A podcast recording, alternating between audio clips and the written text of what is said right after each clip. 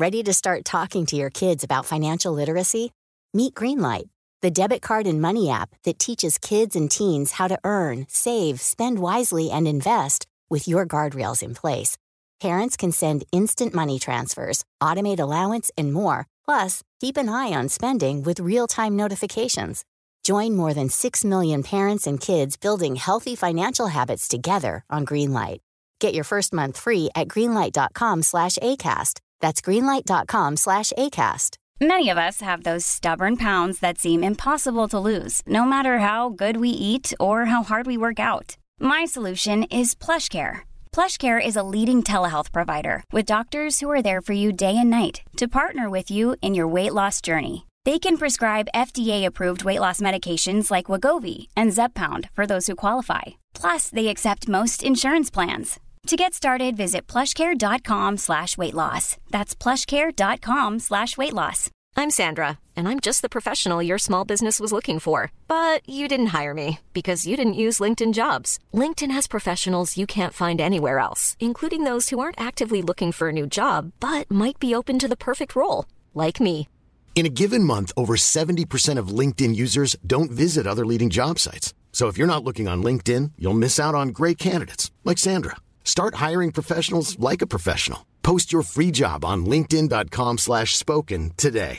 Life is full of awesome what ifs and some not so much, like unexpected medical costs. That's why United Healthcare provides Health Protector Guard fixed indemnity insurance plans to supplement your primary plan and help manage out-of-pocket costs. Learn more at uh1.com.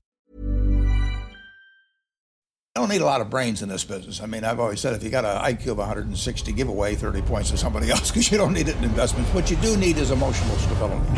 Wow.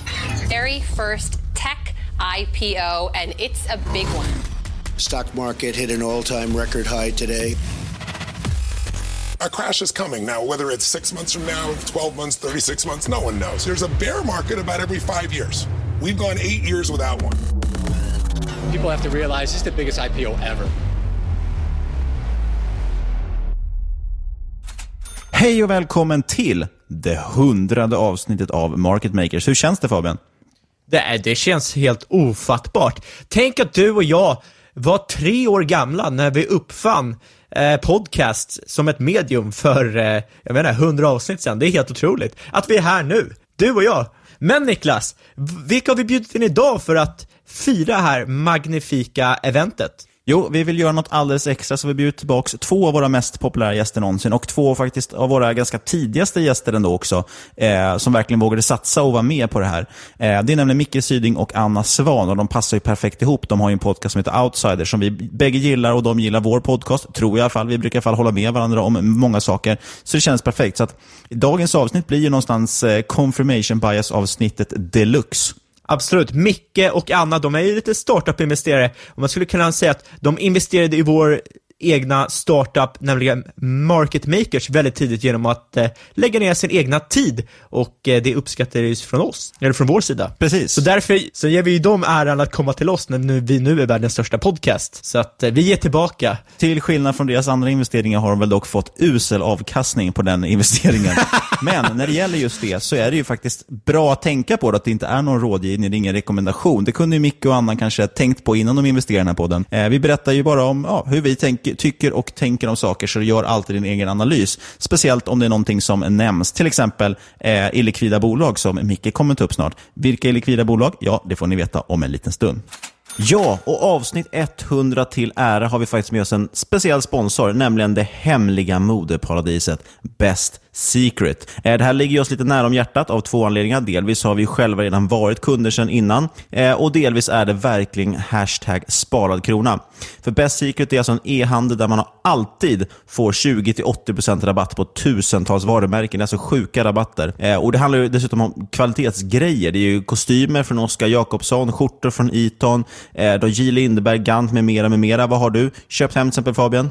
Jag köpte bland annat en hoodie från Calvin Klein, några nya kicks från Adidas, du vet, måste kunna stunta på kidsen som det heter, flexa lite, eh, man måste ha drip, har jag hört från min brorsa att det heter, så att eh, det är bra att Best Secret kan tillhandahålla det här. Fantastiskt, fantastiskt. Och du är done with the kids. Exakt. Men då är frågan så här, vad är haken då? Det kan ju inte bara vara en free lunch, eller vad säger man? There's no such thing as a free lunch. Jo, men exakt. Grejer är, det här är väldigt exklusivt. Du måste bli inbjuden. Och hur blir man det då, undrar ni förstås. Man går in på bestsecret.se marketmakers och en länk finns givetvis också i avsnittsbeskrivningen. Precis, det finns alltså otroliga erbjudanden här. Och det handlar som sagt om exklusiva märken, snygga kläder. Faktiskt har de också inredningsdetaljer, lite porslin och grejer också. Det finns grejer för dam, herr, barn, allt du kan önska dig. Så gå verkligen in på den här länken. Ja, som sagt, vi har ju själv klickat hem en hel del bra grejer. Liksom, det är verkligen sanslöst billigt. Så kolla in bestsecret.se marketmakers,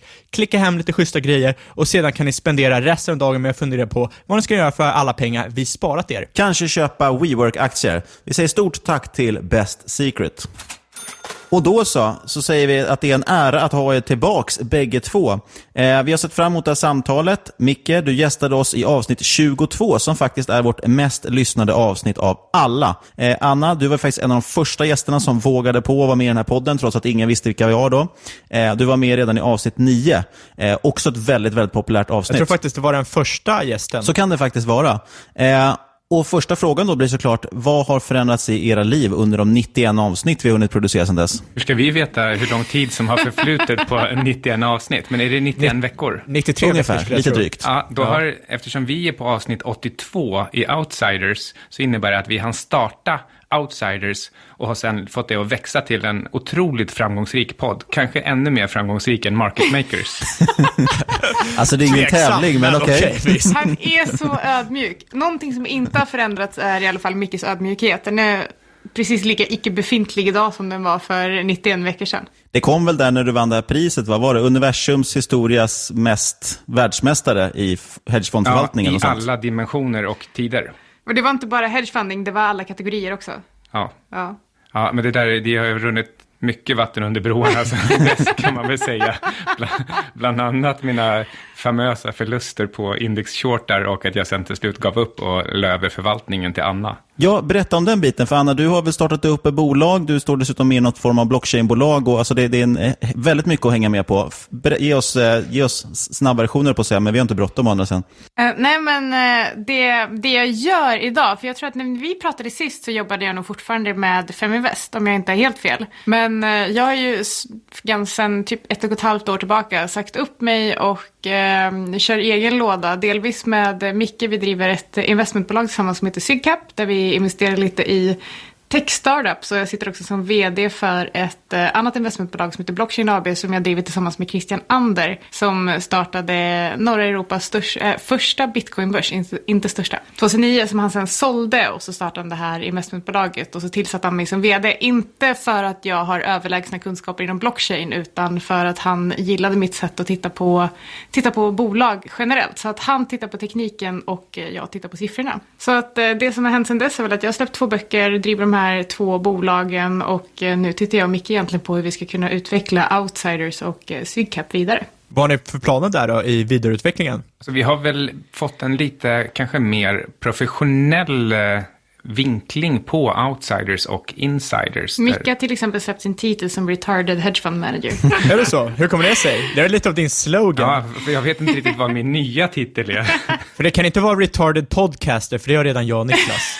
Nej, men eh, vi, ehm, vi har blivit eh, ännu noggrannare med vilka våra samarbetspartners är. Och Eh, vi ser dessutom till att de, är, de alltid är synergistiska och långsiktiga så att man bygger varumärkena tillsammans med eh, sponsorer och samarbetspartners. Och eh, den stora förändringen som kommer ske för mig är väl ett projekt som jag jobbar med just nu som, som jag har hintat om ganska länge. Och det är väl egentligen hela Cygnus-projektet som vi håller på att starta upp just nu. Och det är också därför som Outsiders kommer ta en liten annan form efter årsskiftet.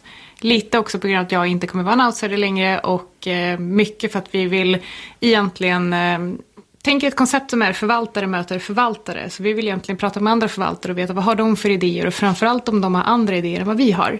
Så det är det som kommer förändras om några månader. Så Anna blir ännu mer monumental i sin framtoning och eh, gör det här på riktigt. Medan jag gradvis, eller egentligen ganska snabbt, faller undan och blir, blir en mindre och mindre del av alltihop. Vilket innebär att det här Cygnus-projektet, eller vad det nu kommer heta, det, det tar ju över allt. Och när vi pratar om att förvaltare möter förvaltare, då skulle nog folk förr i tiden tänkt att ja, men då är, det, då är det Micke som pratar med gamla kollegor.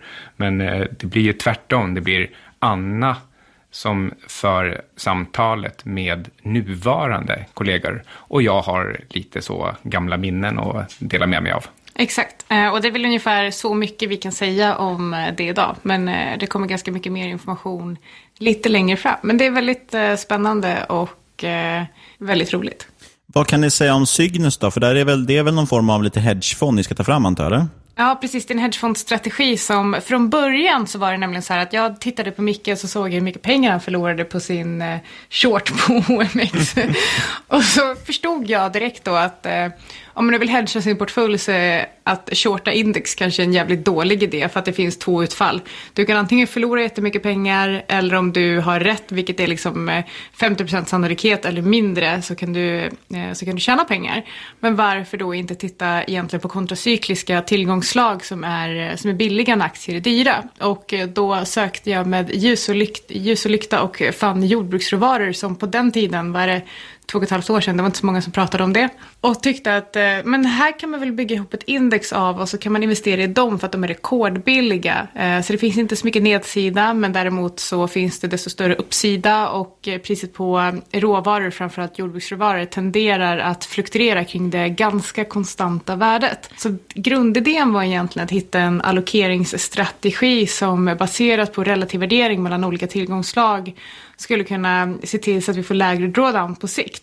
Och eh, jag tog in ehm, en partner som är egentligen skitduktig på statistik och eh, systematiska strategier och så sa jag att det här är min vision, kan du bygga det här? Och eh, i sex månader försökte han och så kom han tillbaka med resultat efter resultat efter resultat och så sa han det är helt omöjligt, det går inte. Och jag sa, jag tror att du gör fel. och till slut så fick vi faktiskt ihop det. Och nu är vi fyra personer som jobbar med det här och håller på att sätta ihop det till en fond. Så det är skitspännande faktiskt. Jag får lite déjà vu när Anna säger du gör fel.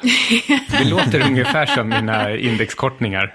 Ja, faktiskt. Men det där är ju rätt intressant. Eh, just om man jämför det med strategin, den strategin med typ eh, ja, en all weather portfolio eller vad heter den, golden butterfly ja, som jag får att du är på med Micke. Hur, hur ser ja. du skillnaden där? Eh, all weather portfolio har ju en konstant fördelning och vi är dynamiska. plus att vi exkluderar energi. Så att vi, vi omallokerar lite beroende dels på relativ prisutveckling mellan de olika tillgångslagen och så tittar vi också en del på makro. Men, eh, men det, är, alltså det är egentligen bara diskretionär förvaltning och eh, som sagt det är vi dynamiska allokeringen. Så att just nu så ligger vi 20% i guld, 40% i aktier och eh, 40% i jordbruksråvaror. Till skillnad då från All Weather som har 7,5% i guld, 7,5% råvaror och sen så ser fördelningen mellan bonds och aktier och så vidare eh, lite annorlunda ut. Och de har också energi på eh, råvarusidan. Hur kommer det sig att ni bortser från energi? Det är egentligen ganska enkelt och eh, delvis var det så att när jag började titta på att bygga den här strategin, jag hade ingen eh, tanke på att bygga en fond från början. Eh, men jag insåg att det finns, det finns en del råvaruprodukter där ute och alla råvaruprodukter inkluderar energi och på den tiden så jobbade jag ganska mycket för Invest, jag jobbade ganska mycket med Ekonomista och så insåg jag att det finns en ganska stor efterfrågan på produkter som exkluderar energi. Så jag ville egentligen skapa någonting som var mer säljbart. Och sen är det också som så att energi tillsammans med industrimetaller är ganska cykliska och jag vill ju faktiskt investera i tillgångar som är kontracykliska till aktier. Så då bestämde jag mig för att det här blir enklare för mig om jag exkluderar dem. Dels för att det finns, jag får en unik selling point och dels för att jag tror inte att jag har en edge i olja, men däremot så de här andra den här andra råvaru, eh, råvarugrupperna, det är inte så många som tittar på dem och eh, det fanns tydlig, en tydligare negativ korrelation eh, mot aktier. Det är intressant ändå för just energidelen som säger är ju en ganska stor del också av de här indexen. Så det blir ganska stor påverkan. Ja, jag vet. Um, ja, men precis. Jag tror att om man tittar på S&P's råvaruindex så ligger 63 procent mot energi och typ 15 procent mot industrimetaller.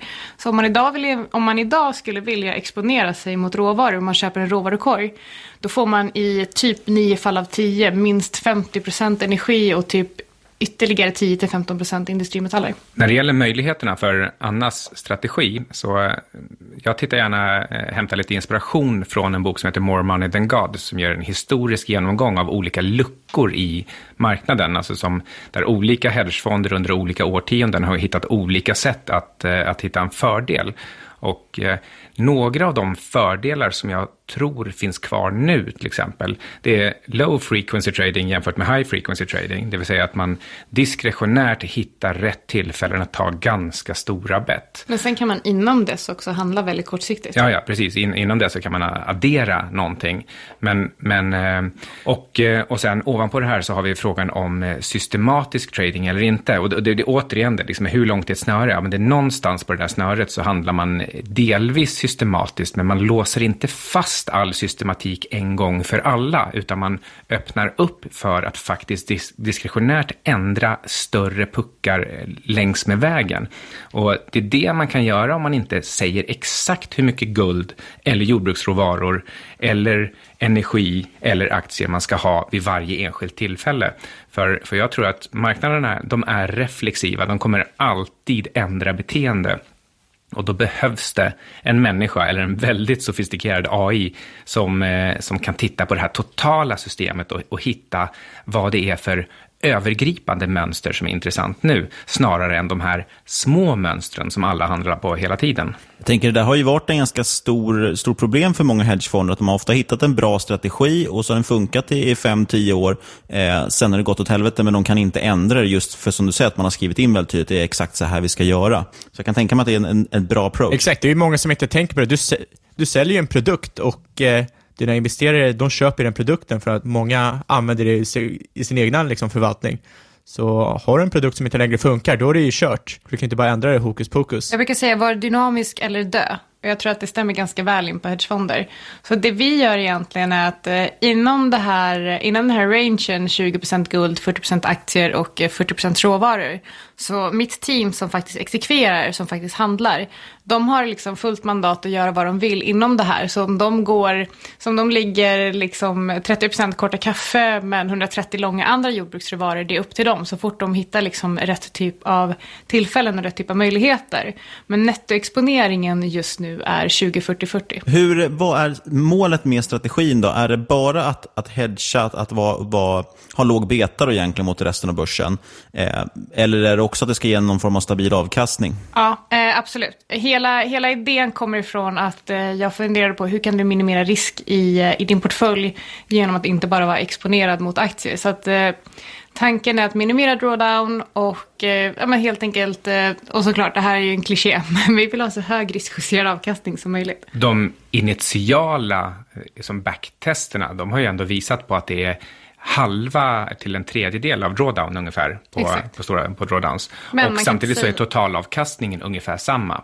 Alltså ja, nej, det här är inte exakta, liksom, perfekt metodiskt utförda förda, statistiskt liksom, signifikanta backtest, utan det är det initiala backtest. Men de visar i alla fall att det är inte så att man ger avkall på massor med avkastning för att få antingen lägre korrelation eller, eller lägre drawdowns eller, eller lägre risk på något sätt. Utan faktum är att man i princip får samma totalavkastning men med halva till ännu mindre drawdowns. Och jag tror att det som har hänt också från att jag fick den här idén från början och när man har suttit och jobbat med den i två och ett halvt år är att jag också har insett att jag tror att vi går mot en tid då framförallt aktiemarknader kommer röra sig mer i sidledes men med väldigt hög volatilitet. Så jag tror att cykler och framförallt priscykler kommer att vara mycket kortare än vad de har varit historiskt. Och det gör att det kommer, det kommer liksom inte gå att köpa aktieindex eh, och hoppas att vi ska få se samma utveckling som vi har gjort de senaste hundra åren.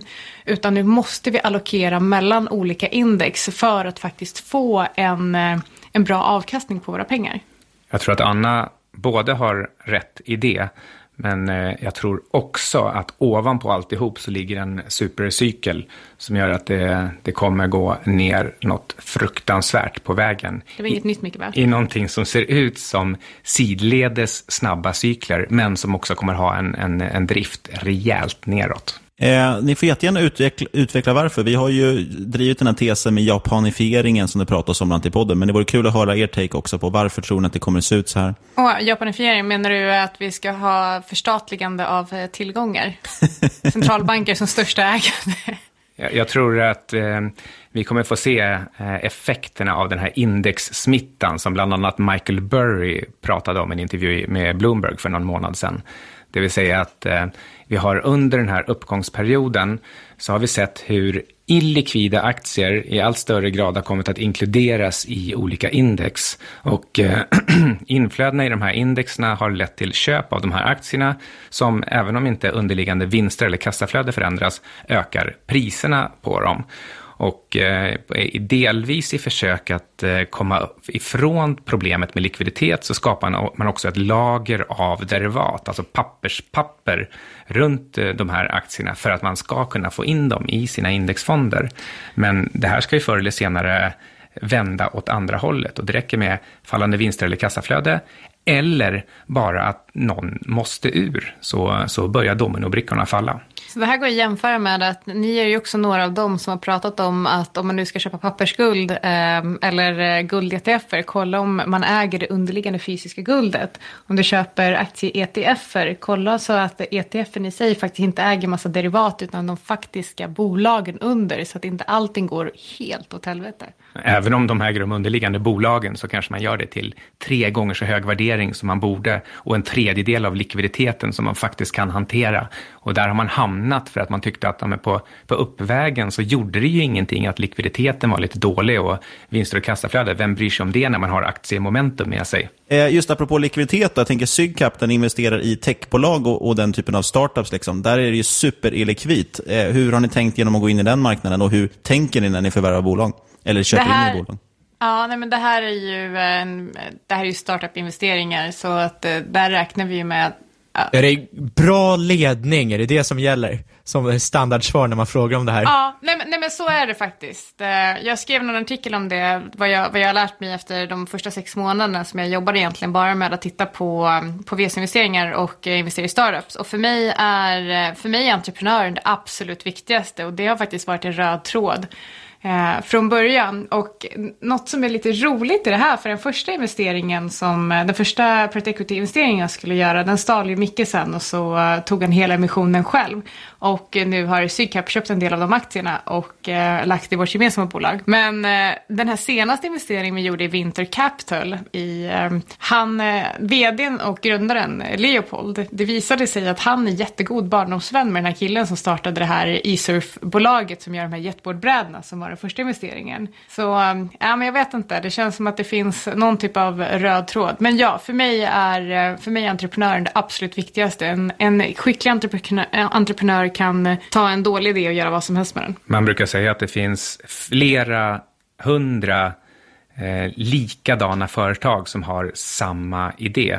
Vilket innebär att det är bara entreprenören som gör skillnad. Om, om, om 500 personer har idén om Tinder, men i slutändan så blir det ja, Tinder och några liksom halvbra lookalikes, så, så förstår man att eh, ja, men det, det, är ledningen som gör allt och liksom deras ihärdighet och, eh, och uppfinningsrikedom och inte minst förmåga att göra sådana här så kallade eh, verksamhetsomsvängningar eller pivots som det heter på, på engelska. Och eh, det, det, är en, det är verkligen en konstart att göra pivoten vid rätt tillfälle, det vill säga utan att vara bara en vindflöjel som inte har någon, någon, eh, någon styrning. Eh, men, men samtidigt göra den snabbt nog när man inser att eh, världen förändras och, och, att man måste hitta något nytt sätt att, att tjäna pengar eller fånga kunder. Så är det ju. Idéer är ju värdelösa. Det är execution som ja, exakt. är allting. Men jag tänker, har ni någon speciell inriktning då på de här typerna av techbolag eller är det alla typer av techbolag som är intressanta. I och med att vi inte tittar på idén per se, utan eh, framförallt på entreprenören. Så det vi är ute efter är väldigt, väldigt, väldigt tidigt stadie. Och det är väl kanske för, för att framförallt jag tycker att det är ganska kul att vara inne operativt och peta i bolaget. Eh, Micke är väl mer kanske den, den passiva som säger, ja men om du tycker att vi ska investera i det här så investerar vi i det här. Så eh, riktigt tidigt skede, men ett av bolagen som vi investerat i har ju faktiskt varit eh, nästan pre-IPO. Vi eh, tror ju förstås att vi bara investerar i bolag som ska gå liksom, 100 gånger. Och vi tror att vi bara väljer helt rätt bolag. Men det här tror ju alla, och det, även de som eh, misslyckas 99 gånger av 100 tror ju precis det här också, att man bara prickar precis rätt. Men eh, en av sakerna som vi ändå har sagt från början, alltså för att vi, vi är medvetna om ungefär de här kalkylerna, att man kan göra en... Man kan, man kan räkna bort 90 procent Man, man kan göra en missbedömning på faktiskt då 10 000 gånger egentligen, i, i vad man tror att man ska lyckas med.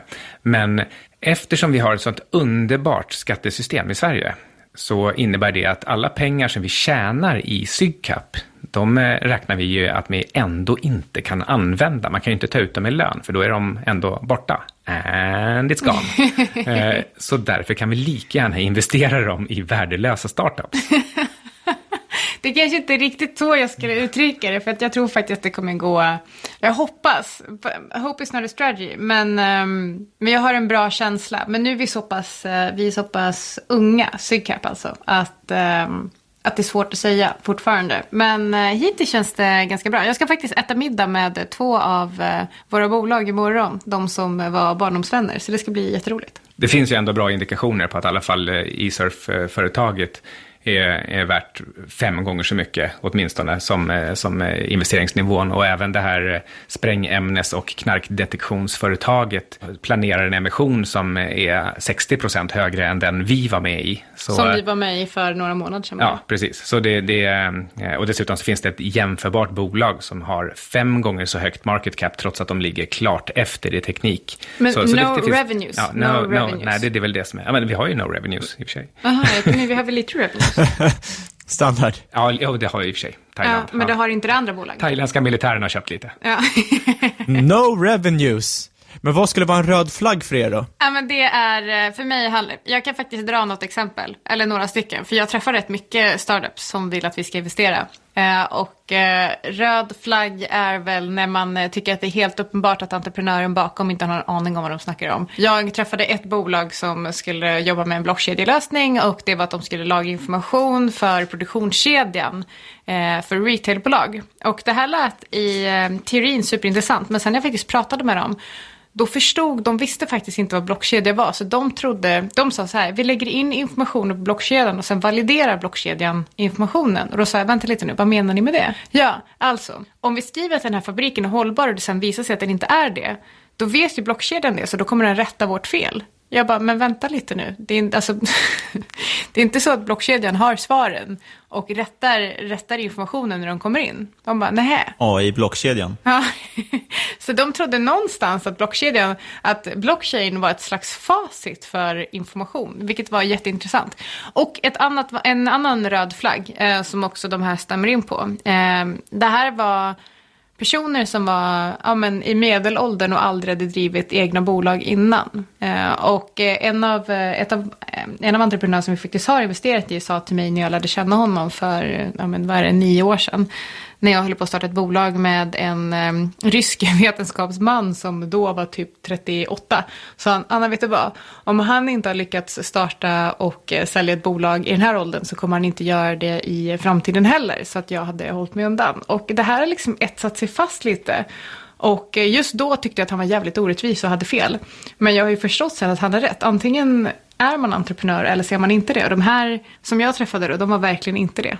Jag kan berätta lite grann vad forskningen säger om det här. Och det är att oavsett ålder så är det bara antalet försök man gör som avgör hur framgångsrik man blir. Men när du blir äldre så gör du färre försök och därför så är det färre gånger man ser äldre lyckas med, eh, med sina, sina ventures. Men då är det fortfarande sämre att eh, betta på en förstagångsförsökare som är 45? Ja, precis. Om man inte på något sätt får för sig att han kommer göra lika många försök som någon annan. För i de fallen så är det faktiskt så att de, eh, de äldre, oavsett om det är forskare eller företag, alltså entreprenörer, så, så lyckas de äldre faktiskt lite bättre per gång de försöker. Men det är bara det att de försöker så himla få gånger. Ja, det, men det är väl exakt som med aktier. Det är, desto tidigare eller desto yngre det är, desto mer tid har du att återhämta dig ifall du spränger dig själv. Och det är exakt samma sak med livet också, vilket är rätt intressant med tanke på att det är rätt få som Många tar ju hög risk i aktieportföljen, väldigt låg risk i livet, när det borde vara tvärtom eftersom det ger högre utdelning egentligen. Så jag har högre potential än Micke, det är det ni säger? alltså, jag är X. Jag är X. Men jag måste ju bara nämna ändå Colonel Sanders som grundade KFC. Det gjorde han väl när han var 60 någonting tror jag. Ja, Sam Walton också som grundade Walmart. Ja, och sen har vi han Ray Kroc också som körde McDonalds. Han var ju också rätt gammal och misslyckad. Men han hade ju i alla fall det, om man ska lita på den där dokumentären. Han hade i alla fall det framför sig att han eh, han, han gav ju aldrig upp. Han bara försökte och försökte och lyssnade på de här självförbättringsskivorna hela, hela tiden. Och till slut, ja, till slut så startar man McDonalds. Till slut, Micke, så kanske du också kan klara det. Kan du göra något? Men jag tror det är viktigt att förstå det som Micke säger, att det är inte nödvändigtvis åldern, det är hur många gånger man försöker. Så någon som är 60 har ju, kan ju lyckas väldigt bra, men de måste ju ha haft den här entreprenörsandan tidigare. Det är väldigt svårt att bara skifta över helt plötsligt. Det är väl det som var min poäng också med den här röda flaggan, att de som jag träffade då som trodde att blockkedjan per automatik validerade information som man stoppade in i den, de hade aldrig någonsin försökt starta bolag innan. Och eh, de sa, jag sa också så här, okej okay, men hur, för de visade prognoser för försäljningen. Och då sa att det är väldigt generösa siffror här. Och då sa de att det här är en så bra idé så att den säljer sig själv. Standard. Och jag bara, nej men det funkar inte så. Det funkar aldrig så. Då kan man ju bara säga att eh, jag har validerat era försäljningssiffror mot blockkedjan och de säger att det är fel. Det är som den här typiska, kan man bara få en procent av den här miljard, miljardmarknaden, då har vi hundra miljoner i omsättning. Ja, man bara, Men... ja, hur ska du nå den en procenten då? Jag, jag brukar fråga, jag, alltså jag vill gärna ha ett väldigt konkret svar på hur ska produkten hamna under näsan på kunden eller liksom framför ögonen? På något sätt så ska du producera den, marknadsföra den, distribuera den, den ska hamna framför ögonen och då ska kunden tycka att den är det bästa alternativet när den ser den jämfört med andra. Alltså den ska upplevas vara billigast eller bäst på något sätt så att de faktiskt fattar beslutet, ska få en känsla av urgency. Så jag frågar liksom alltid, hur hamnar produkten där och vad betalar du för det och vad blir avkastningen per sån insatt krona? Och det är ju påfallande få som överhuvudtaget kan svara på det där, för de, de tycker, ja men vi har, en, vi har en jättebra produkt. Ja, men berätta hur många kronor det kostar att få den under näsan på kunden. Det där är ju svinbra, för det är jättemånga som säger, eller alla de här gamla techkillarna som har byggt och sålt företag, de säger alltid sell first, bill later. Men liksom det största misstaget folk gör, det är att de bygger först och sen går de ut och försöker sälja det, så visar det sig att den kunden vill inte ha det här egentligen. Och då har du bara lagt ner en massa pengar på att bygga någonting som en kund inte vill ha, istället för att gå och sälja, förstå vad de vill ha och sen bygga det. Det är lite som eh, Dropbox-modellen, för Dropbox släppte ju en video på den första idén på produkten som de skulle släppa och som lät de kunderna ge feedback. De sa det här är Dropbox. Och då sa kunderna nej, kan ni inte göra så här istället? Och sen så fortsätter de att förändra videon och eh, förändra idén av produkten tills de fick i princip bara positiv feedback och då byggde de Dropbox. Det är lite faktiskt så vi jobbar i, i vårt bolag också. Vi, vi säljer in en produkt som vi tycker verkar jättebra, sen tackar kunden ja och sen så måste man lösa problemet väldigt, väldigt fort och så får man väldigt få nätter man kan sova.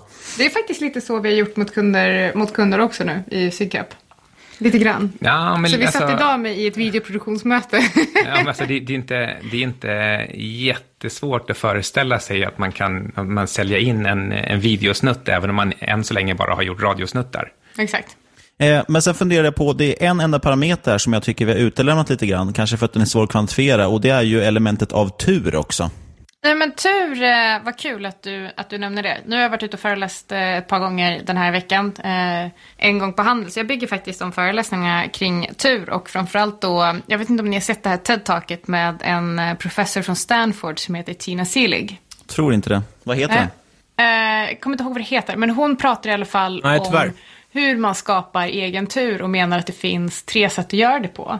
Och hon säger att det första sättet handlar om att egentligen förändra relationen till sig själv och det gör man genom att ta mer risk i livet. För ni sa ju det precis innan, att man i många fall tar ganska lite risk i privatlivet men ganska mycket risk i sin aktieportfölj och man borde göra precis tvärtom. Och att ta risk egentligen är väl framförallt någonting som vi gör när vi är barn och små hela tiden. För att vi ska kunna lära oss gå, för att vi ska kunna lära oss prata, för att vi ska kunna lära oss cykla så måste vi faktiskt vara beredda att misslyckas. Jag tror att många, när man är vuxen, då bara ger man upp det här och så bara tror man att man har lärt sig färdigt för att man är så himla rädd att man ska ha fel eller att man ska göra fel eller att man ska trilla på vägen. 100 procent. Ja, och jag tror att det är för, jag menar, vi hade kunnat göra SYGCAP på två sätt. Vi hade kunnat eh, plocka ut eh, intäkterna i utdelning och så hade vi kunnat tycka att fan vad bra att vi tjänar pengar på podden.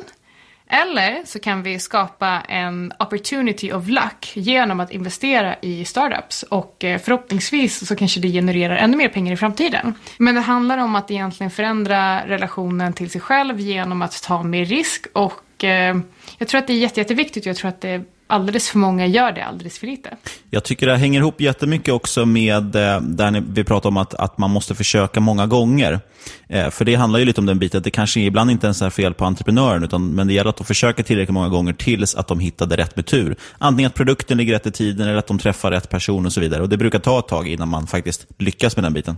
Ofta så tror jag att man pratar om risk som någonting som ska vara väldigt eh, konkret och hårt. Och liksom det är antingen så är det finansiell risk eller det är karriärsrisk eller så. Men jag tror Anna och jag, vi har pratat om att en av de stora riskerna som folk undviker, det är emotionell risk man tycker att man, man skäms eller det är pinsamt eller man har inte lust att må dåligt. Och därför gör man inte någon sak. Och det knyter an till precis det här du nyss sa om att eh, göra saker många gånger. Till exempel, men om du ska resa kapital för någonting. Ja, men du ska ju träffa, vad, vad var det Sid sa, hundra knack, mm. tio snack och en fack, antar jag då, då. men det var en Tinder, Tinder-historia. Men, men det, det, är det det handlar om med emotionell risk. Alltså ska du, ska du resa kapital till någonting så vet du att du ska få 90 eller 99, 99 nej av 100. Men, men du kan inte ge upp efter de första tio bara för att det känns lite obekvämt.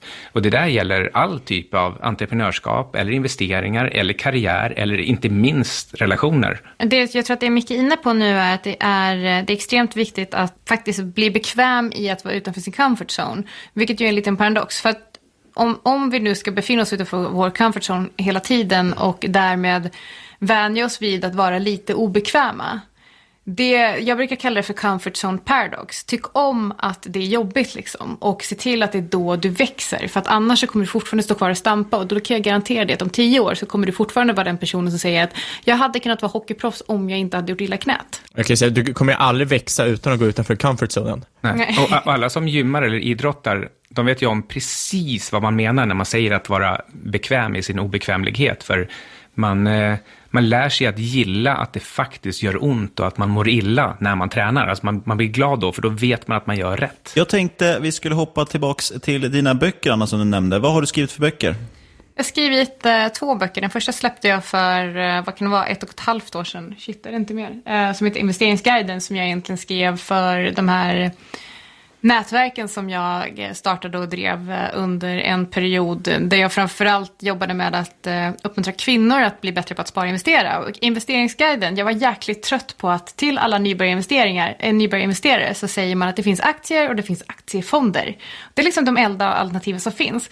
Och det här gör att om man så fort man presenterar egentligen ett annat tillgångsslag så tittar folk på en som att man är dum i huvudet för att det verkar så himla farligt. Så att eh, jag tillsammans med eh, Linnea Schmidt som jag drev Ekonomista med, vi skrev en bok som heter Investeringsguiden där vi egentligen på, på en nybörjarnivå går igenom aktier, fonder, ETFer, obligationer, räntor och eh, råvaror. Just eftersom att råvaror är en så pass stor del i min egen strategi. Men den andra boken är väl kanske, tycker jag i alla fall, lite mer intressant än den. Och den heter Nätverka. Och där skriver jag ganska mycket om min resa, om hur jag eh, födde och uppvuxen på en hästgård utanför Skövde, 500 meter närmsta granne, flyttade ner till Malmö, så upp bekantskapen med alla mina gamla vänner för att egentligen börja om från början. Och eh, nu, eh, nu bor jag i Stockholm, eh, bygger saker, bygger bolag och har egentligen byggt mina verksamheter kring nätverkande och vad det egentligen betyder. Och jag tar också upp de här exemplen som Tina Silig pratar om, om att skapa mer tur för sig själv och eh, vad det betyder.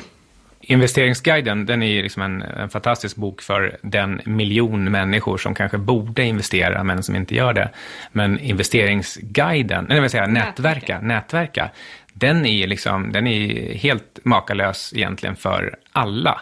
För att den, den med hjälp av massor av intressanta forskningsexempel och Annas egen resa förklarar precis hur du ska bygga ett nät runt dig, inte genom att dela ut visitkort och, och, och, skaka hand, utan genom att vara en person som andra vill vara med.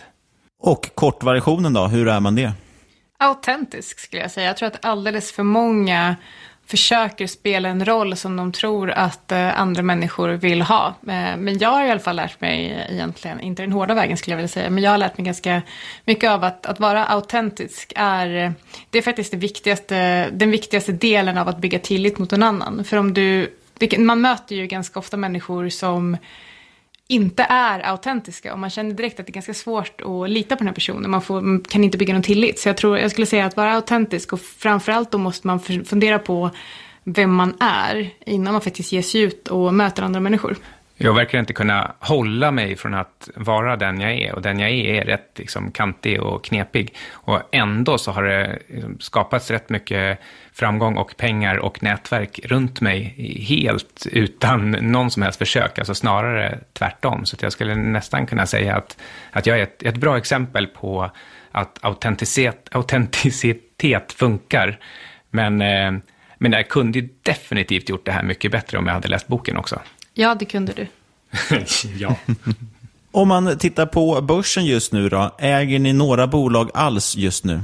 Det gör vi. Vi äger Aselio, Gran Colombia Gold, vi äger Spotify, lite Mips och eh, gud, är det en... Jag har ju Stockvik i min pensionsportfölj också.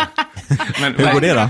Ja, 100 procent i min pensionsportfölj. Men varje gång som jag nämner Stockvik, då är det åtta personer på Twitter, på Fintwit, som blir apförbannade som tycker att jag kör en pump and dump, fast jag liksom aldrig någonsin rör de där aktierna. Eh, vill ni pitcha casen i de här bolagen? Det var ju inte så många ändå, så det borde gå ganska fort.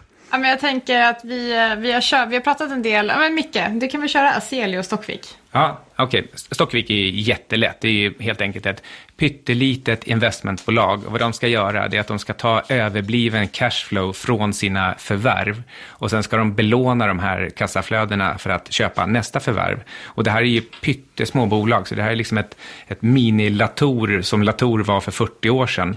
Så, så de köper liksom en, en liten däckverkstad som omsätter eh, 40 miljoner och tjänar kanske 8 i ebit, eller, eller hälften av det där kanske, 20 och 4. Och, och, och sen ska de där 4 miljonerna, men de ska användas för att täcka overheadkostnaderna och sen, eh, sen, sen kan de eh, Eh, ta de där fyra och låna upp åtta eller ge ut lite aktier och då har de plötsligt eh, 12 miljoner som de kan köpa någonting för, eh, för pris ev ebit 4-5, någonting sånt. Och, och, så, och så bara rullar de den här, det här självspelande pianot varv efter varv. Men här i början så går det väldigt, väldigt långsamt och de har liksom bara precis kommit över break-even-nivån. Så, liksom, nu har de väl en omsättning på 400 miljoner och ett, ett ett ebitda tror jag det är. Det kan inte vara ebit. Nej, det är ebitda på 30 miljoner. Och ändå så har de bara ett market cap på knappt 100 miljoner. Så, så det här borde ju vara värt tre gånger så mycket redan nu. Och om man dessutom tror att de ska kunna fortsätta hitta den här typen av förvärv, vilket jag vet att de gör, och kanske ovanpå alltihop också sänka räntekostnaderna så fort banken tycker att ah, men ni är tillräckligt stora och seriösa och det här verkar ju rulla på och nu, nu har ni kommit upp i rätt nivå på resultatet. Då, då sänker vi räntan från, ja, vad tusen är det de betalar? De betalar säkert 12 procent eller någonting sånt. Minst 9 i alla fall. Så kan de få ner det till 5 procent så då, då har du plötsligt skapat en riktig aktieraket. Eh, men det är ju förstås då livsfarligt att säga med något som har market cap på 80, 90, 100 miljoner. Det känns lite som, är inte Stockvik också lite av ett, eh, vad jag brukar kalla ett rapportbolag? Det vill säga att de sticker upp rätt mycket varje rapport för de levererar bra siffror och sen tappar folk intresset emellan, eller? Jo, så är det. Och det är ju för att det, det händer väldigt lite i det här företaget. De, de kanske gör fyra, fem förvärv per år i, i bästa fall. Och eh, förvärven, ja men det ser lite spännande ut precis när de presenteras och sen blir det lite positivt och sen väntar man in, inför rapporten, så kommer rapporten och då har ju egentligen inte så mycket hänt. För liksom det tar ju ett år åtminstone innan de här företagen har kommit in ordentligt i verksamheten och börjar liksom påverka på riktigt. Och hittills så är det också så som jag sa, de har, de har ju kämpat för att få förvärven och minus räntekostnader att göra att de kommer precis över break-even, för att de är ju så små. Så att det, det, är, det är nu, det är precis nu som resan börjar. Men om bara 12 månader så kommer rapporterna se helt annorlunda ut. Och det är jättelätt att räkna på. Men eh, som vad jag har erfarit från, inte minst eh, mina turer med Funded by Me på Placera, det är att det finns ju ingen av de här privatspararna som, som kan eller ens vill försöka räkna på själva siffrorna, utan de tittar bara på aktiekurser. Ska jag dra Aselio också eller? Nej men absolut, bara köra. ja, dra Aselio. Aselio, de har alltså en värmelagringsfunktion. Så de, de är med och tillverkar solprojekt. Där... Så de smälter eh, aluminium och lagrar energin i, ja. i den processen? Ja, så speglar, speglar in solljuset mot en termos fylld med aluminium. och då smälter aluminiumet och sen när man har lust, då, då låter man aluminiumet stelna lite grann och i den fasövergången så driver den en, en motor, en gammal, jättegammal uppfinning, 200 år gammal, en Stirling-motor som ser ut på ett särskilt sätt och den, den drivs helt enkelt av värmedifferenser. Och då får man en, en ganska bra effekt som ger en eh, elström ut baserad på den här värmen som man hade i aluminiumtermosen. Och eh, de här restprodukterna kan man sedan använda för att göra foliehattar, vilket är någonting som eh, ligger mycket varmt om hjärtat. Exakt, det är där den riktigt stora potentialen är. Varför skulle man vilja lagra, lagra energi på det här sättet? Ja, den stora potentialen det är då förstås att grön energi, alltså vindkraft, eh, solenergi, solenergi eh, och även, även alltså solceller och vattenkraft. Den här den här behöver ju användas samtidigt som den tillverkas, för att annars, annars måste man försöka lagra den, man måste ju lagra den i någonting, om det inte finns en efterfrågan just när man tillverkar den, och den typiskt sett så rör alla de här sakerna på sig på dagen, men det är, på, ehm, eh, det är på natten som man behöver använda dem när till exempel solen inte lyser.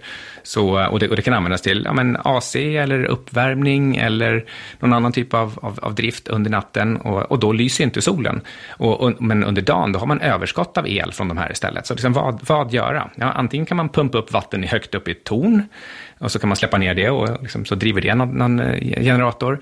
Eller ska man lagra det i ett batteri och då blir det massor med eh, dåliga ämnen som ska användas. Det är inte särskilt miljövänligt och det är inte supereffektivt heller, mer än korta, korta lagringstider.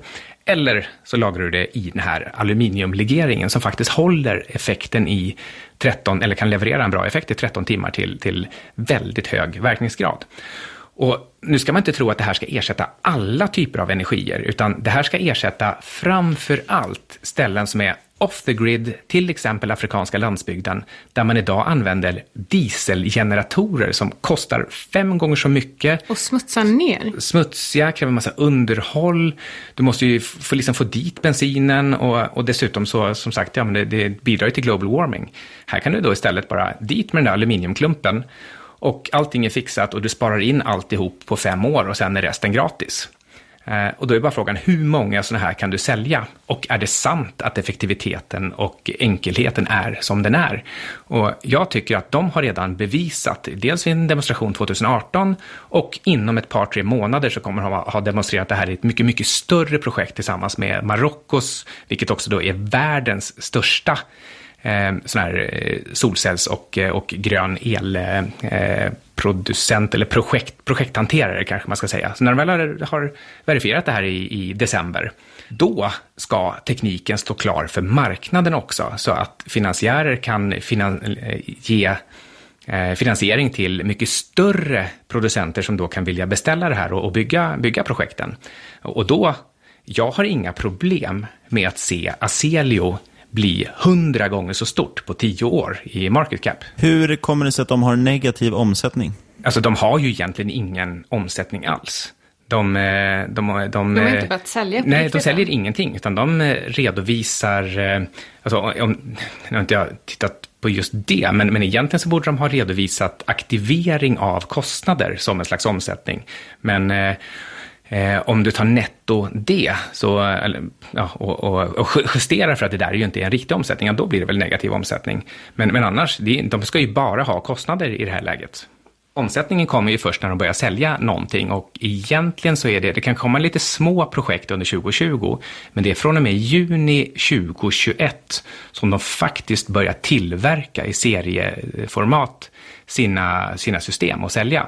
Så från Q, om de håller planen helt och hållet perfekt, så är det Q3-rapporten 2021 som du faktiskt får se försäljning och resultat. Och Anna, du har bara indexfonder eller?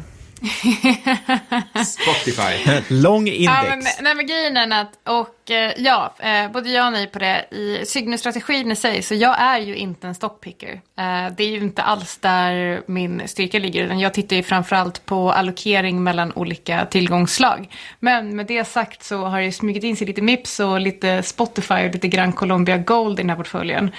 Och Spotify jag vet inte om jag är lite biased den här aktien, men, eh, men jag tror framförallt på, jag tycker, att, jag, jag, tycker att ledningen är fantastisk, jag tycker att de går i rätt riktning och eh, ja, för det första produkten i sig och hur de idag går mer och mer åt, eh, åt podcasting. Eh, nej, men jag tycker att det är, det är ett klockrent case. Ja, de är, de är ganska dyra och eh, jag tror absolut att vi kan se lägre aktiekurser än vad vi ser idag. Men det tror jag bara genererar ett större köpläge. Så på tio års sikt så tror jag att det här är en riktigt bra investering på dagens nivåer. Utifrån sett, nu är det inte jag som är ansvarig för Spotify, men jag får, kan ju ha åsikter utifrån. Och det är att om man har lyckats med tanke på alla problem som det innebär att försöka få fram streamad musik i kamp mot alla stora skivbolag och sen faktiskt får igenom allt det här och, och, och får över 100 miljoner betalande kunder och flera hundra miljoner som egentligen då står på kö med, med, med sin freemium-tjänst. Eh, då, alltså jag skulle nog vilja säga att det här det här är en av marknadens absoluta bästa företagsledare. Och, och då tror jag att det, det finns väldigt bra planer eh, hela tiden eh, i, i lager för hur man får till nästa kund och nästa prishöjning.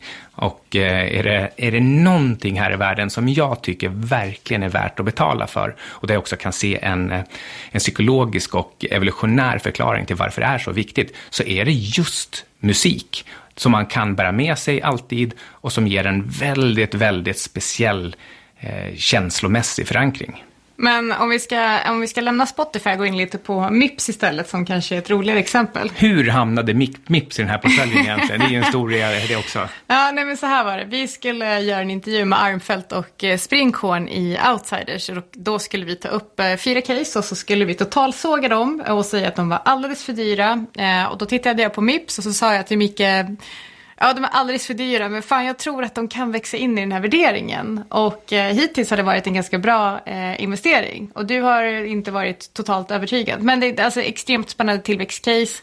De växer mycket och de växer snabbt. Jag var ju inte helt oövertygad Nej, heller. Inte. Jag var ju ändå faktiskt hyggligt med på, på att det var, kunde vara okej. Okay. Ja, men så det här hjälmföretaget och deras Teknik. Jag tycker att det är ett eh, snabbt och eh, spännande tillväxtcase helt enkelt.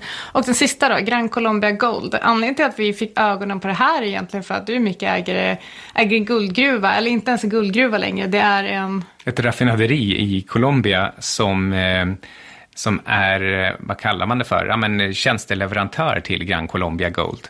Så Eh, det var när jag, när jag investerade i det här som var, skulle vara ett royalty streamingföretag, men som sen blev ett eh, raffinaderi och insåg att eh, ja, men de är kunder hos Gran Colombia Gold, så började jag kolla på Gran Colombia Gold. Hur går den egentligen? Är det här en bra samarbetspartner och liksom, vad, vad kan man göra med den? Och, och så jag hittade lite analyser, gick igenom balansräkningen, undrade varför har kursen gått från 800 till 1 och är det här en kniv man vill fall, fallande kniv man vill fånga? Och det var det? Ja, för jag gick igenom deras guldobligationer, hur utspädningen hade sett ut, på vilket sätt guldpriset hade vänt, liksom vad, vad, vad som hade gått fel med kostnader och utspädning liksom på vägen ner och, och såg att ja, men, nu är det här faktiskt så att de är på rätt väg och de, de tillhör de i, i branschen som har absolut lägst guldkostnads, eh, guldkostnad per gram. Alltså de är nere på 6, 7, 800 dollar per ounce och, och, priset är ju 1500. Exakt, så, så vi konstaterade egentligen att så länge det här, eh, så länge guldpriset håller sig framförallt över 900 dollar per ounce så... Eh, Då kommer de överleva. Så kommer de överleva. Och är de över 1200 så... Är de lönsamma på riktigt? Liksom. Ja, ja, precis. Då, då ska den väl i alla fall vara värd eh,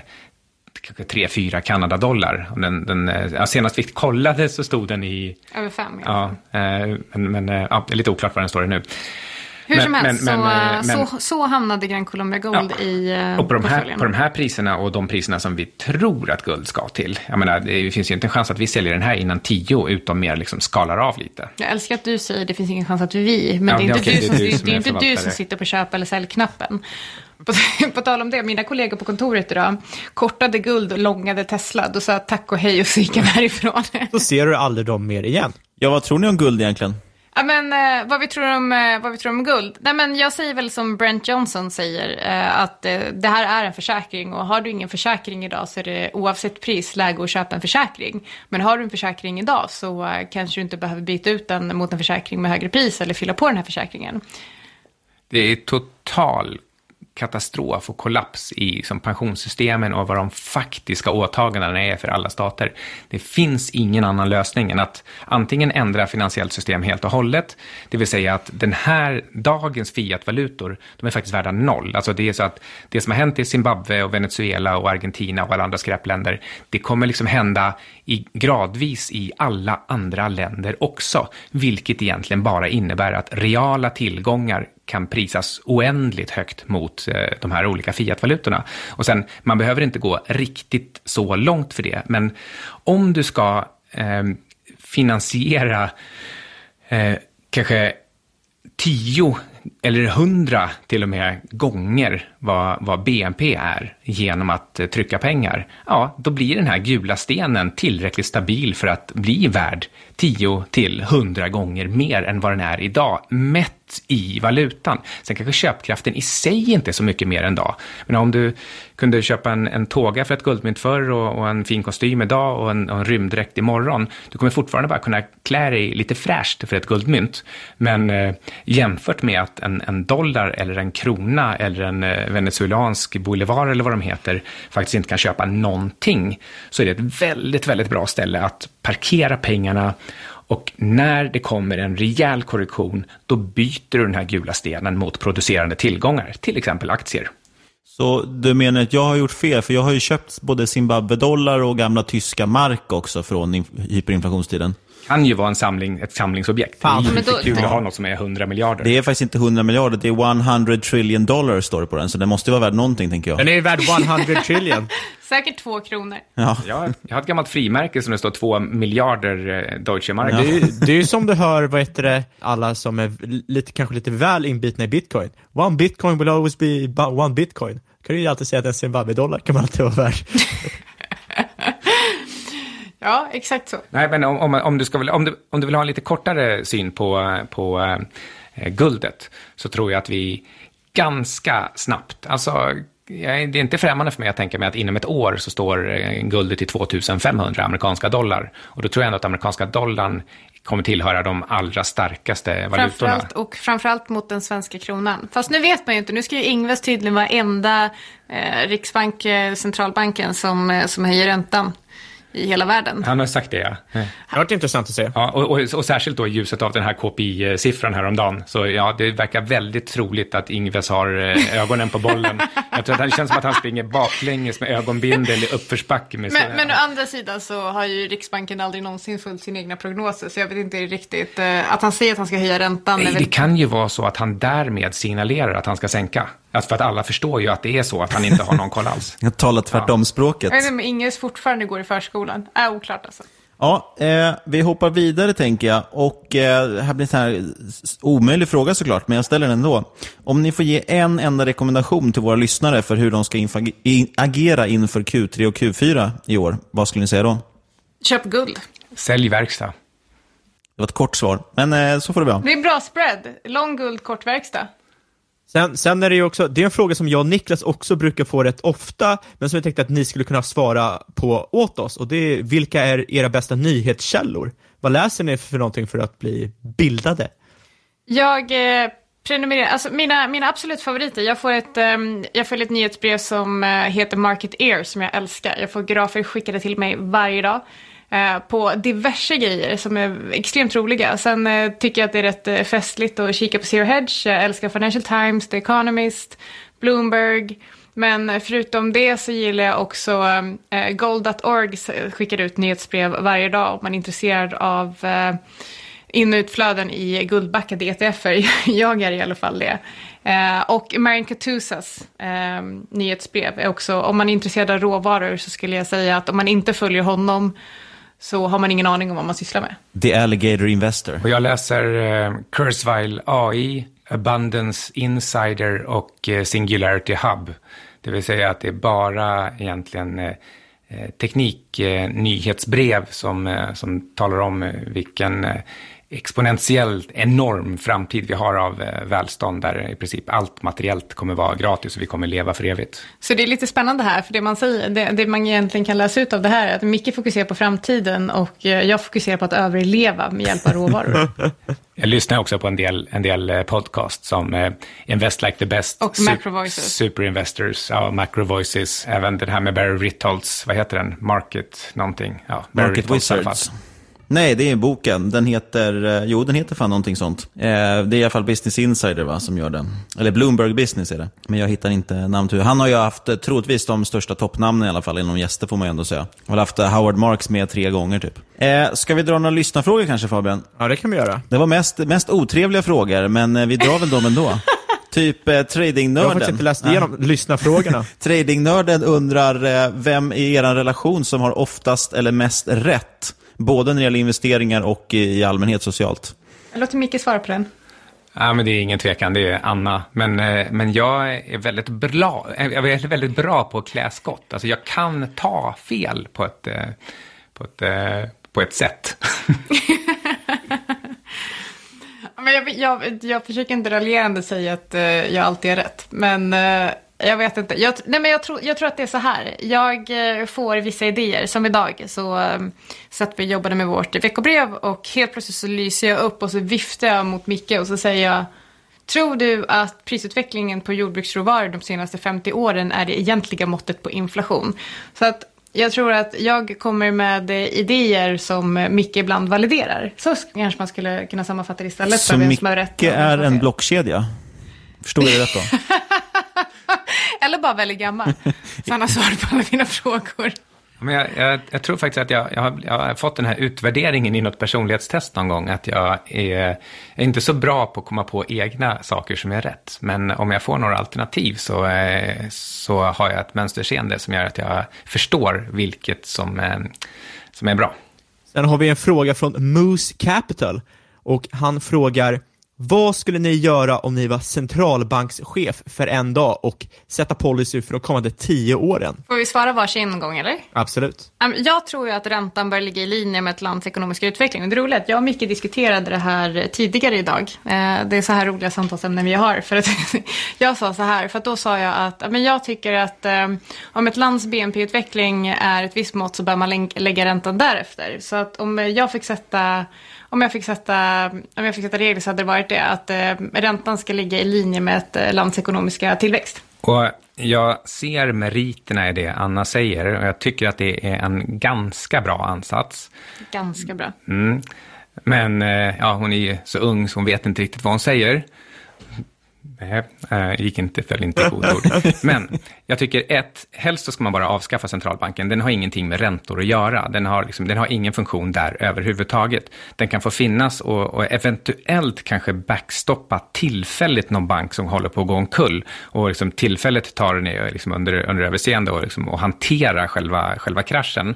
Möjligen. Men räntorna har inte centralbanken med att göra. Men om den nu ska ha med räntor att göra, då tror jag att en fix spelplan är det allra, allra bästa. Och då skulle jag säga att sätt styrräntan, eller styrräntorna som det egentligen handlar om, till en fix nivå som gäller för evigt. Och den siffran kan vi ta som, eh, det skulle kunna till exempel vara den genomsnittliga nominella tillväxten de senaste 200 åren eller någonting. Varför inte sätta räntan till 7 procent, punkt, låsa fast den där och den får aldrig ändras? Och sen kan man helt enkelt låta marknaden sköta räntorna som antagligen kommer hamna under 7% Men de där 7 procenten, det är bara en backstop. Att om det nu är så att det inte går att, eh, att låna billigare någon annanstans, ja då kan man väl låna hos centralbanken för 7 och, och eh, göra sina projekt därifrån. Det är tillräckligt bra, tänker jag, att ha det som tröskel på cirka 7. Jag tycker att det här inte stämmer överens med mitt var dynamisk eller dö. Den får aldrig ändras. Men det är dynamiskt under. För Stockvik skulle ju 7% vara ganska bra i alla fall, kom vi fram till. Ja, alltså den kursen, nu förstår jag inte liksom var den skulle hamna någonstans. 250 kronor vore billigt. eh, sen här en fråga från någon som heter Fransén Fabian. Han frågar, vad bänkar ni? Jag vet faktiskt inte, jag har känt så mycket bänkpress. Nej. Inte så mycket. Jag, jag vet att jag har faktiskt inte testat att maxa. Men jag ska träna imorgon bitti med, eh, med han som jag tränar med. Så att eh, jag skulle ju faktiskt kunna, kunna testa att maxa och sen så kan jag återkomma. Ja, men det är nästan ett år sedan jag maxade bänkpress nu, men då tog jag 147,5 och eh, ehm, ingen, jag var ensam i lokalen så ingen pass eller något annat, men, men jag filmade i alla fall så att det, det finns bevis på det. Men, eh, men sen dess har jag inte kört så mycket bänkpress, så att nu tar jag väsentligt mindre. Jag tänkte du skulle säga att ja, det var ingen där som kunde se det, men jag lovar att jag tog det. Jag hade ju dessutom sådana här säkerhetsstoppar på, på utsidan, så att egentligen var det ju 147,8. Ska vi hoppa på några snabba? Resten var så himla komplexa och invecklade frågor. Ja. Och några snabba, jag vet inte om ni vet hur det fungerar. Vi säger någonting, ni svarar någonting. Det första ni kommer att tänka på. Det är en rätt enkel lek. Och det första vi säger är bitcoin. Köp. Superbra. Guld. Köp. 10 000 dollar. Digitalt guld. Nej. Inte bitcoin i alla fall. Varför inte? Men det finns guld och bitcoin, det finns ingen korrelation mellan dem. Det är två helt olika tillgångsslag. Du kan inte, du kan inte bara byta ut guld mot bitcoin. Det är två olika saker. Äg båda två, men försök inte låtsas som att det är, som att det är utbytbart. Det är non-fungible. Du kan inte bära guld över gränsen och du kan inte gräva ner bitcoin. Vad är ert fredagsmys? Champagne och real vision. På en skala mellan Ben Bernanke och Howard Marks, hur mycket gillar ni Stefan Ingves? Bernanke. Vänster om Ben Bernanke. Stackars Ingves. Ja, Verkligen. Han, eh, hans son bor ju faktiskt, min, min eh, fru har sprungit in i honom någon gång på, och hon har varit sprungit på skolan. Eh, han har för övrigt en likadan mustasch, säger då hon också, som sin far. Tycker jag är lite kul, så här, en kuriosa. Men, men om, jag får, om jag får nyansera det här lite grann, så är det som, det är som med Elon Musk. Alltså Elon Musk har ju ingen aning om företagsbyggande eller liksom, ja, men, ärlighet eller någonting, men han verkar ju vara en fantastiskt kul kille att hänga med. Han verkar ju ha roligt. Och Ingves, han vet ingenting om hur man styr ett land eller hur man liksom gör det bättre för invånarna eller, eller vad centralbanksverk, centralbanksverksamhet är för någonting. Men, eh, men han, är ju, han, han ger ju upphov till oerhört mycket skratt med sina beslut och uttalanden. Ja, ja, absolut. Men jag, det, jag tyckte faktiskt, eh, vi hade ju inte med Albin Kjellberg från EFM för ett tag, så jag tyckte faktiskt ändå att han, nej fast det, förlåt, det var inte på podden, det var en annan gång jag träffade honom, men han hade i alla fall en ganska bra, bra sägning tycker jag just om, om Ingves. Ingves är ju då enligt honom i alla fall ganska högt respekterad inom de här kretsarna i alla fall. Ja, absolut. Eh, och, och man kan ju faktiskt aldrig ta ifrån att han är ju väldigt duktig på just det han gör. Problemet är att han, det han gör är ju en ideologi som man å andra sidan kan frågasätta. Så det är lite som att säga att ja, men Stalin var en väldigt duktig kommunist. Mm. Det gör det ju inte bättre att vara, att vara Stalin för det. Exakt. Men det är kul att du drog upp eh, Albin. Jag tycker Albin är grym. Kan vi tillägga. Med det, vi har inte så mycket mer frågor. Jag tror att vi ska wrappa ihop det här. Det var askul att vara med. Jag hoppas att folk har, jag vet inte, fått, svar- fått svar på sina frågor eller lärt sig någonting. Alltså vi, Jag tyckte det var ganska vi har ju faktiskt glömt en av de viktigaste frågorna Oj. som vi alltid har med i våra, frå- i våra podcast. Och det är, vad är er bästa och sämsta investering? Det har ju i och för sig frågat som ni båda varit med i podcasten, kommer jag på nu. Men det kanske Då ändras kan sen vi dess. fråga, vad är, vad är er bästa och respektive sämsta in, gemensamma investering och vad har de lärt er? Vi har inte gjort någon dålig gemensam än. Ödmjukt. Nej men vadå, så länge har vi inte hållit på? Nej, nej, nej, men alltså det är ju sant. Nej men, men, eh, nej, men så det är för tidigt att säga. Så, Så snart ser vi Sygcaps trender. Ja, nej men, nej men så här, vi, vi är för, eh, vår, vår, vårt gemensamma bolag är för ungt för att prata om vare sig bra eller dåliga investeringar. Så ehm, vi kommer göra skitmånga misstag på vägen och vi har säkert redan gjort eh, de flesta, av, eller inte de flesta, men många av dem. Och eh, eh, jag är ganska säker på att eh, om man måste misslyckas nio gånger för att lyckas en tionde gång när det kommer till eh, startup-investeringar så har vi säkert eh, redan nu placerat pengar i, eh, i några rätt dåliga. Så med det sagt, vi har definitivt gjort skitdåliga investeringar. Vi har bara inte realiserat dem än. Mm, men vi, vi har ju vissa indikationer ändå på att det kommer up-rounds i det vi har investerat i. Sen behöver inte det betyda någonting, för det är fortfarande så att det bara flödar gratispengar överallt. Så att om man Det är är, som att täcka pengar. Conjure money out of thin air. Vi är centralbanker. är man bara lite kaxig entreprenör så kan man alltid göra en up-round. Ehm, och då sitter vi som investerare och tror att vi är genier, fast vi liksom inte har åstadkommit någonting. Och sen Vi har kommer... bara gått på entreprenörens säljsnack. Men, men jag däremot, eh, jag har ju tillräckligt många eh, egna investeringar för att ha både riktigt, riktigt bra och riktigt dåliga. Så att jag har, jag har ju minst fyra konkurser, alltså där mina pengar har blivit noll Eh, under bältet. Och sen har jag också, vilket eh, någon tidning lyckades skriva häromdagen, så har jag det här när jag investerade i ett litet datasäkerhetsföretag cirka år 2000. Och eh, min investering gick eh, 3000 procent på ett år.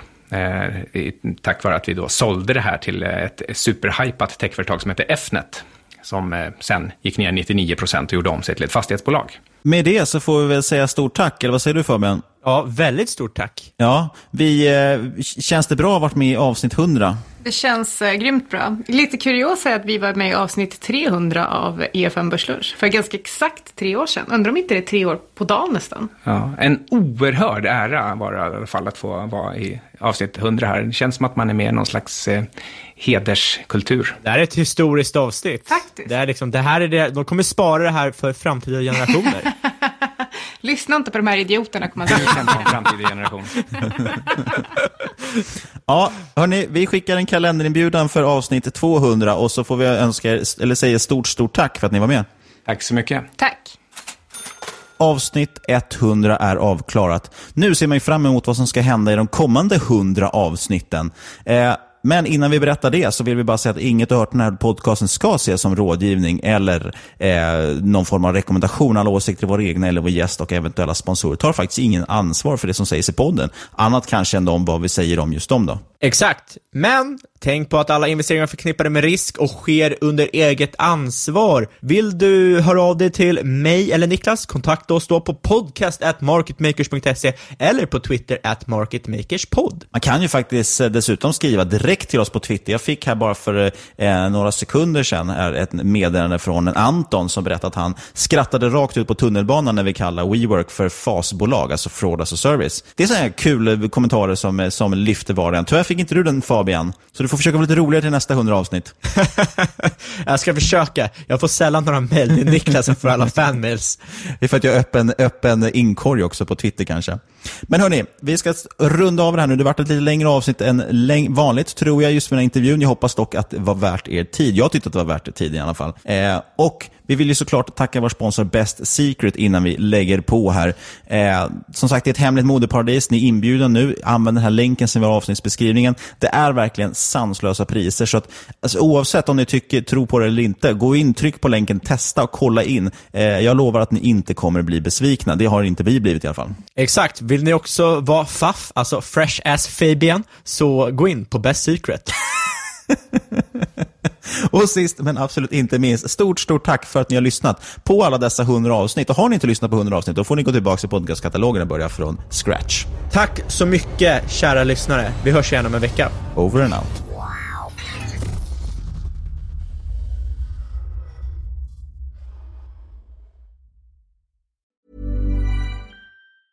Hey, I'm Ryan Reynolds. Recently, I asked Mint Mobile's legal team if big wireless companies are allowed to raise prices due to inflation. They said yes. And then when I asked if raising prices technically violates those onerous two year contracts, they said, What the f are you talking about, you insane Hollywood ass? So to recap, we're cutting the price of Mint Unlimited from $30 a month to just $15 a month. Give it a try at mintmobile.com slash switch. $45 up front for three months plus taxes and fees. Promo rate for new customers for limited time. Unlimited more than 40 gigabytes per month. Slows. Full terms at mintmobile.com. There's never been a faster or easier way to start your weight loss journey than with PlushCare. PlushCare accepts most insurance plans and gives you online access to board-certified physicians who can prescribe FDA-approved weight loss medications like Wigovi and Zepbound for those who qualify. Take charge of your health and speak with a board-certified physician about a weight loss plan that's right for you. Get started today at plushcare.com slash weight loss. That's plushcare.com slash weight loss. plushcare.com slash weight loss. Hiring for your small business? If you're not looking for professionals on LinkedIn, you're looking in the wrong place. That's like looking for your car keys in a fish tank. LinkedIn helps you hire professionals you can't find anywhere else, even those who aren't actively searching for a new job but might be open to the perfect role. In a given month, over 70% of LinkedIn users don't even visit other leading job sites. So start looking in the right place. With LinkedIn, you can hire professionals like a professional. Post your free job on linkedin.com slash spoken today. Hey, Dave. Yeah, Randy. Since we founded Bombus, we've always said our socks, underwear, and T-shirts are super soft. Any new ideas? Maybe sublimely soft. Or disgustingly cozy. Wait, what? I got it. Bombus Absurdly comfortable essentials for yourself and for those facing homelessness. Because one purchased equals one donated. Wow, did we just write an ad? Yes. Bombas. Big comfort for everyone. Go to bombas.com slash ACAST and use code ACAST for 20% off your first purchase. Many of us have those stubborn pounds that seem impossible to lose, no matter how good we eat or how hard we work out. My solution is PlushCare. PlushCare is a leading telehealth provider with doctors who are there for you day and night to partner with you in your weight loss journey. They can prescribe FDA-approved weight loss medications like Wagovi and Zepbound for those who qualify. Plus, they accept most insurance plans. To get started, visit plushcare.com slash weight loss. That's plushcare.com slash weight loss.